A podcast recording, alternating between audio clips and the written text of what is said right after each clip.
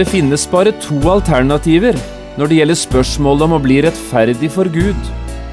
Du kan stole på dine egne prestasjoner. Det betyr at du blir æret nå, men også at du går konkurs i evigheten. Men du kan også stole på Jesus og hans fullkomne rettferdighet. Det gjør at han får all ære, men at du er trygg for evigheten. Det er ikke vanskelig å velge, er det vel?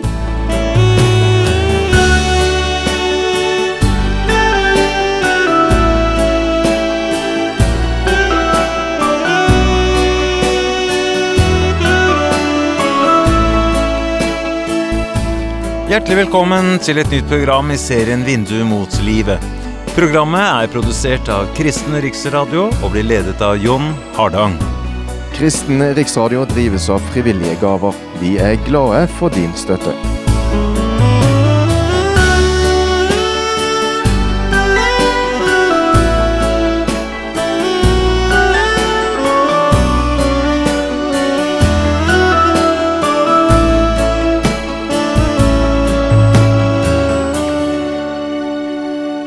Vi skal i dag fortsette vår bibelundervisningsserie Gled deg, der vi gjennomgår hovedtankene i Filipperbrevet, ved å lese gjennom dette flotte brevet vers for vers. Vi er nå kommet til den delen av brevet der Paulus forteller hvordan han selv ble frelst og fikk bruk for det Gud har gitt oss i Jesus, og hvordan dette ble den store, nye gledesgrunnen i livet hans. Vi leser fra Filipperbrevet i kapittel 3, vers 7-11. Jeg har kalt dagens program En ny rettferdighet. Paulus skriver, Men det som var en vinning for meg, det har jeg for Kristi skyld aktet som tap. Ja, jeg akter i sannhet alt for tap, fordi kunnskapen om Kristus Jesus, min Herre, er så meget mer verdt for hans skyld har jeg tapt alt. Jeg akter det for skrap, for at jeg kan vinne Kristus, og bli funnet i ham, ikke med min egen rettferdighet, den som er av loven, men med den jeg får ved troen på Kristus, rettferdigheten av Gud, på grunn av troen. Så jeg kan få kjenne ham, og kraften av hans oppstandelse, og samfunnet med hans lidelser, idet jeg blir gjort lik med ham i hans død.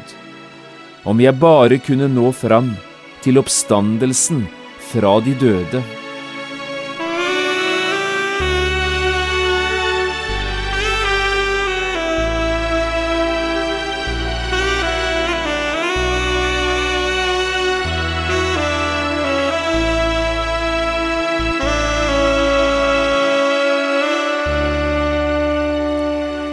Når de i en del land, både i det nære og fjerne Østen, skal pløye sine jorder, følger de den dag i dag den samme skikken som de har praktisert gjennom hundrevis av år.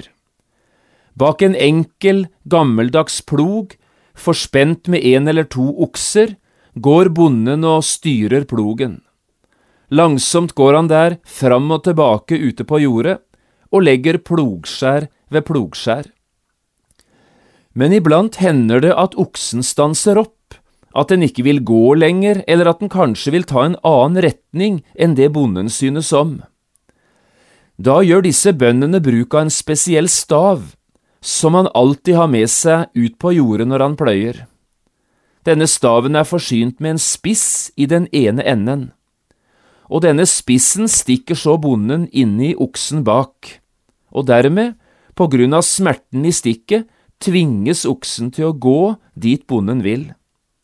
Dermed er det ikke lett å være ulydig eller trassig, selv om en altså bare er en okse. Denne spisse enden på staven, den har et bestemt navn. Den kalles for brodden. Den oppstandende Jesus må ha kjent til denne skikken, for det er nettopp dette bildet Jesus bruker den dagen han stanser Paulus, kristendomsforfølgeren, utenfor Damaskus og begynner å tale til han. Jeg vet ikke om du husker hva Jesus sa til Paulus den dagen. La oss høre hvordan Paulus selv forteller det, det som skjedde, i apostelgjerningene 26. Saul, Saul, hvorfor forfølger du meg? Det blir hardt for deg å stampe imot brodden. Der har du det, stampe imot brodden. Jeg sa da, fortsetter Paulus, Hvem er du, Herre? Og Herren sa, Jeg er Jesus, han som du forfølger. Ja, slik forteller Paulus det, og slik leser vi det her i vers 14 og 15. Paulus møtte brodden, Guds brodd, han møtte kallet, kallet til frelse og til tjeneste.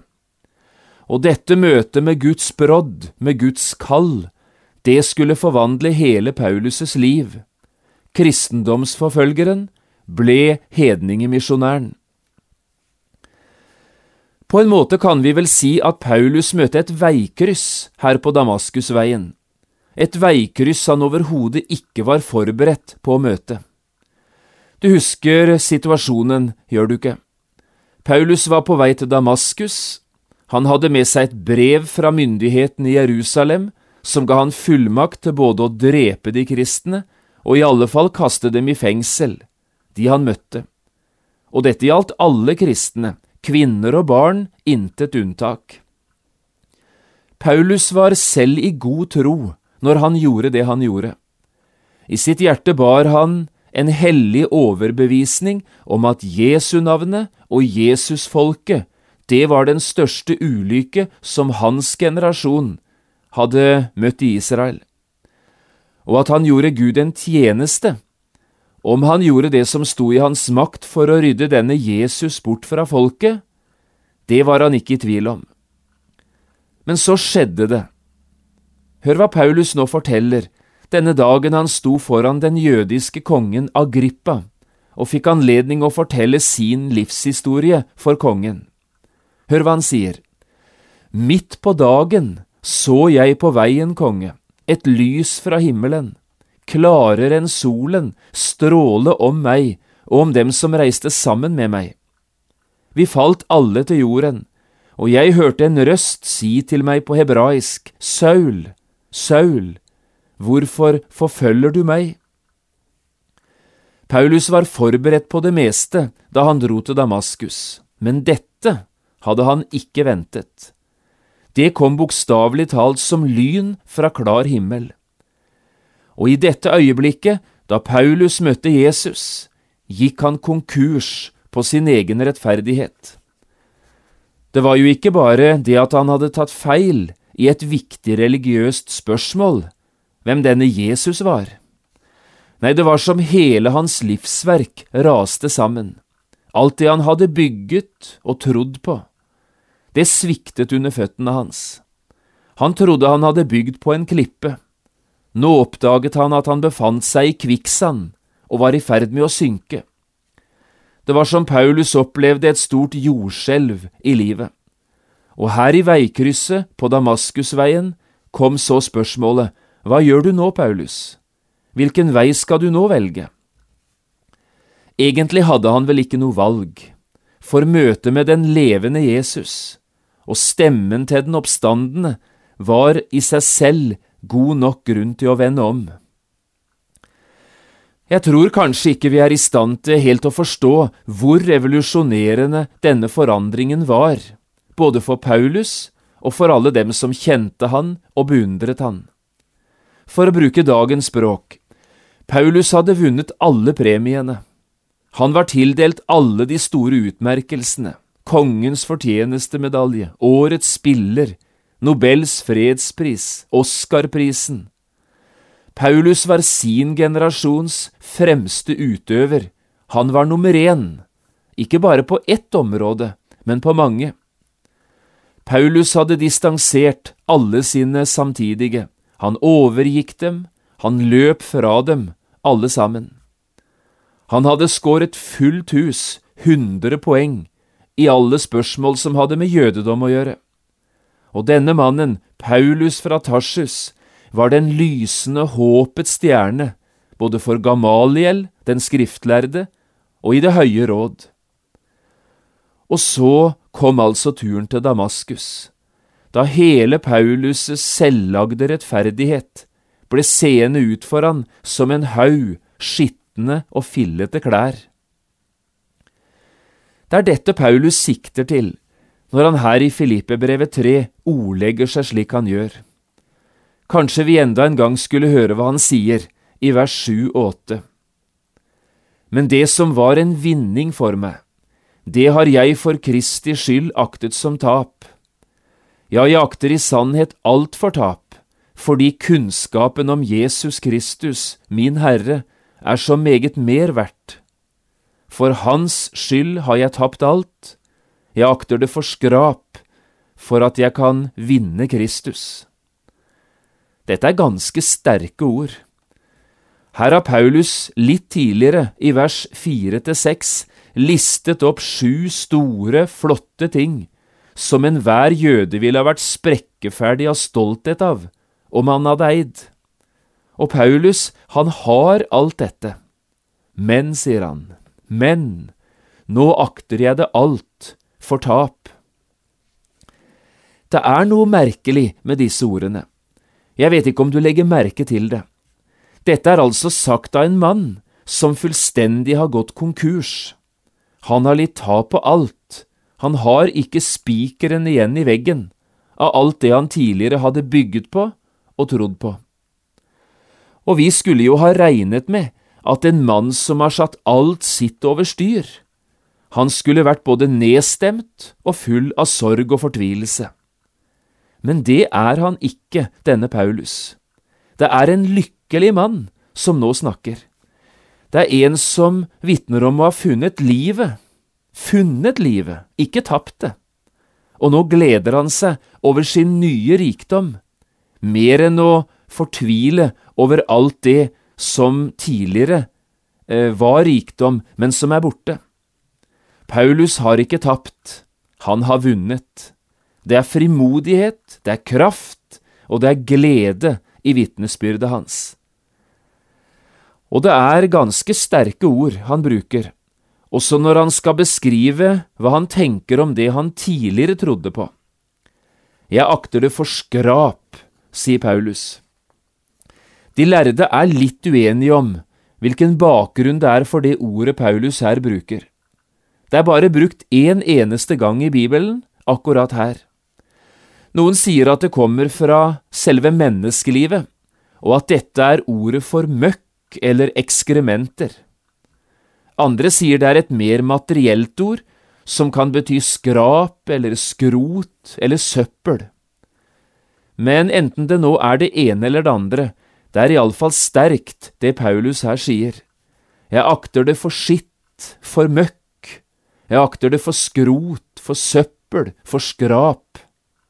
Og det handler altså om hans egen selvlagde rettferdighet. Men så setter Paulus i fortsettelsen av dagens bibelavsnitt ord på tre ting som han nå har begynt å glede seg over. Og det på en måte som han aldri tidligere hadde tenkt kunne være mulig. Paulus har fått en ny rettferdighet en ny rettferdighetsdrakt, det er det første. Han går ikke lenger omkring og tror på sin egen rettferdighet. Det er bare for skitne filler å regne, sier Paulus. Nei, han har fått nye klær. Jesu Kristi rettferdighet, en høytidsdrakt. Hør hvor fint Paulus beskriver dette i vers 9. Å bli funnet i ham, ikke med min egen rettferdighet, den som er av loven, men med den jeg får ved troen på Kristus, rettferdigheten av Gud på grunn av troen. Vi har en beretning i Det gamle testamentet som jeg syns på en genial måte illustrerer for oss hva dette egentlig går på. Jeg tenker på historien om ypperstepresten Josva, den som er fortalt i profeten Sakarias' bok i kapittel tre. Hør noen vers her fra begynnelsen av det kapittelet. Så lot Herren meg se Josva, ypperste presten, som sto foran Herrens engel, og Satan som sto ved hans høyre side for å anklage han. Men Herren sa til Satan, Herren refse deg, Satan, Herren refse deg, han som har utvalgt Jerusalem. Er ikke denne mannen her en rykende brann, revet ut av ilden. Men Josva var kledd i skitne klær der han sto for engelens åsyn. Og engelen tok til orde og sa til dem som sto foran ham, Ta de skitne klærne av ham. Og til ham selv sa han, Se, jeg tar din misgjerning bort fra deg og kler deg i høytidsklær. Jeg syns det der er en fantastisk beretning, en helt utrolig fin situasjon. Ja, for du fikk med deg bildet, gjorde du ikke? Josva står her, ypperstepresten, i lyset fra den allmektige, kledt i skitne klær, avslørt av Herren, og som han skulle ønske at han så annerledes ut. Satan sto der, fikk vi høre, for å anklage Josva. Og Josva er sannelig ikke den eneste som har møtt anklagens stemme i en slik situasjon. Hva gjør du her, Josva? Du passer ikke inn hos Gud, slik du ser ut, du må bare komme deg unna og gå. Men så skjer underet. Gud selv sørger for at de skitne klærne blir tatt bort, og i stedet for skitne klær blir Josva iført klær, rene klær, som var laget ferdig i himmelen og som lå ventet på han da han kom. Josva ble ikledd høytidsklær. Det er nøyaktig dette Paulus gleder seg over her. Jeg står for Gud, sier han, ikke lenger i mine egne skitne klær, ikke lenger i min egen rettferdighet, for den holder ikke innfor Gud. Jeg står ikledd en ny rettferdighetsdrakt, Jesu Kristi fullkomne liv, gjelder hos Gud i mitt sted. Gud ser meg like ren og hellig som han ser Jesus. Gud ser meg i Jesus, som om jeg aldri hadde syndet. Jesus selv er den nye drakten i Paulus' liv.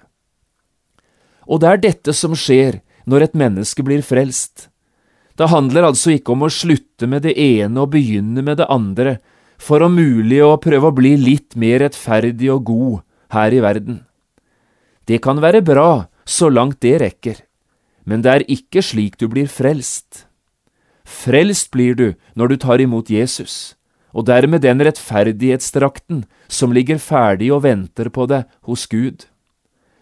Når Gud ser deg i Jesusdrakten, da er Han fullkommen tilfreds Gud fraregner deg dine synder, og han tilregner deg Jesu Kristi rettferdighet. Dine synder bar jo Jesus til korset, for at du skal få bære hans rettferdighetsdrakt i all evighet. Dette er et utrolig under. Profeten Jesaja skriver akkurat det samme, i et av de flotteste versene i hele Jesaja-boken, i kapittel 61 og vers 10. Hør hva han her skriver. Jeg vil glede meg i Herren, min sjel skal fryde seg i min Gud, for Han har kledt meg i frelsens drakt, i rettferdighetens kappe har Han svøpt meg. Og dersom Paulus svarer her i Filipperne 4,4, gled dere i Herren alltid, igjen vil jeg si, gled dere. Du som hører nå, har du fått se det vi her snakker om? Har du fått bruk for denne rettferdsdrakten som vi her snakker om? Eller er du fornøyd med det du selv kan prestere og få til? Du skulle ta imot Jesus, ta din tilflukt til Han. Og så setter Paulus her til slutt ord på det som nå er blitt hans nye lidenskap. Kanskje kunne vi kalle vers 10 og 11 for Paulus' nye trosbekjennelse. Her får vi høre hva Paulus nå er opptatt av, hva han brenner for og lengter etter, etter han fikk møte Jesus. Jeg vil kjenne Han, sier Paulus først. Å kjenne, det betyr her å gjøre erfaring av. Sagt med andre ord, Paulus lengter etter at Jesus skal bli stadig mer synlig og virksom i hans daglige liv. Og dette er den store hemmeligheten i alle kristnes liv. Jesus bor i meg. Og det er så mye ved Jesus jeg ennå ikke har sett. Det er så mange ting jeg enda ikke har gjort erfaring av. Men han bor i meg, derfor er det muligheter. Jeg vil kjenne kraften av hans oppstandelse, sier Paulus om det andre. Å leve som kristen er jo ikke å streve og slite i egen kraft, det ville aldri gå.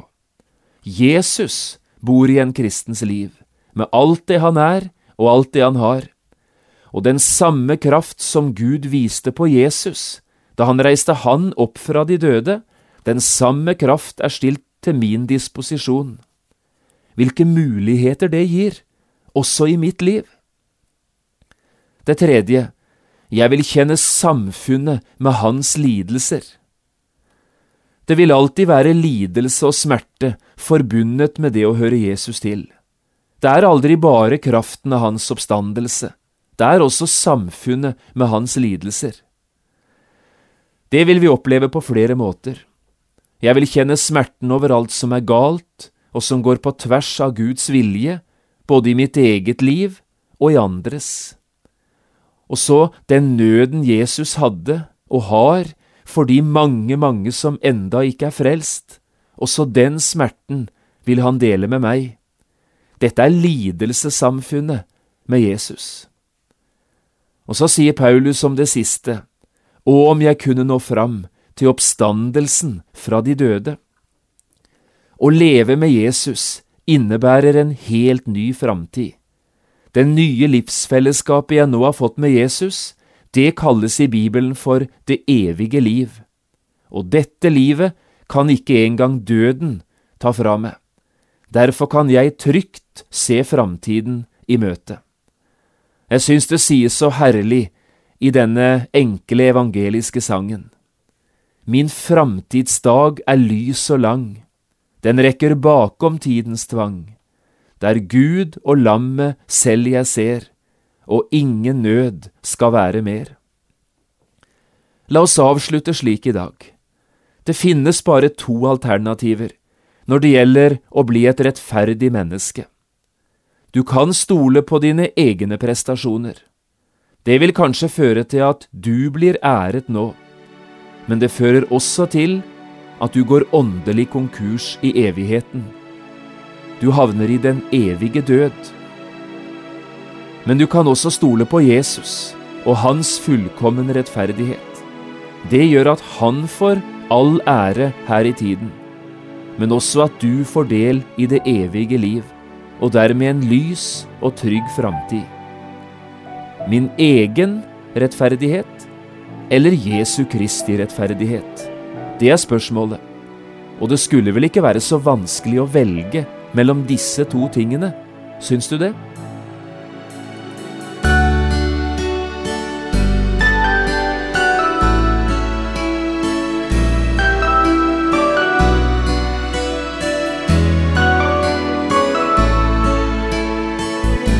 Du har lyttet til programmet serien Vindu mot livet med John Hardang. Programmene i denne serien kan også kjøpes på CD fra Kristen Riksradio, eller høres på internett på p7.no. Har du spørsmål eller kommentarer til det du nå har hørt, kan du ta kontakt med oss.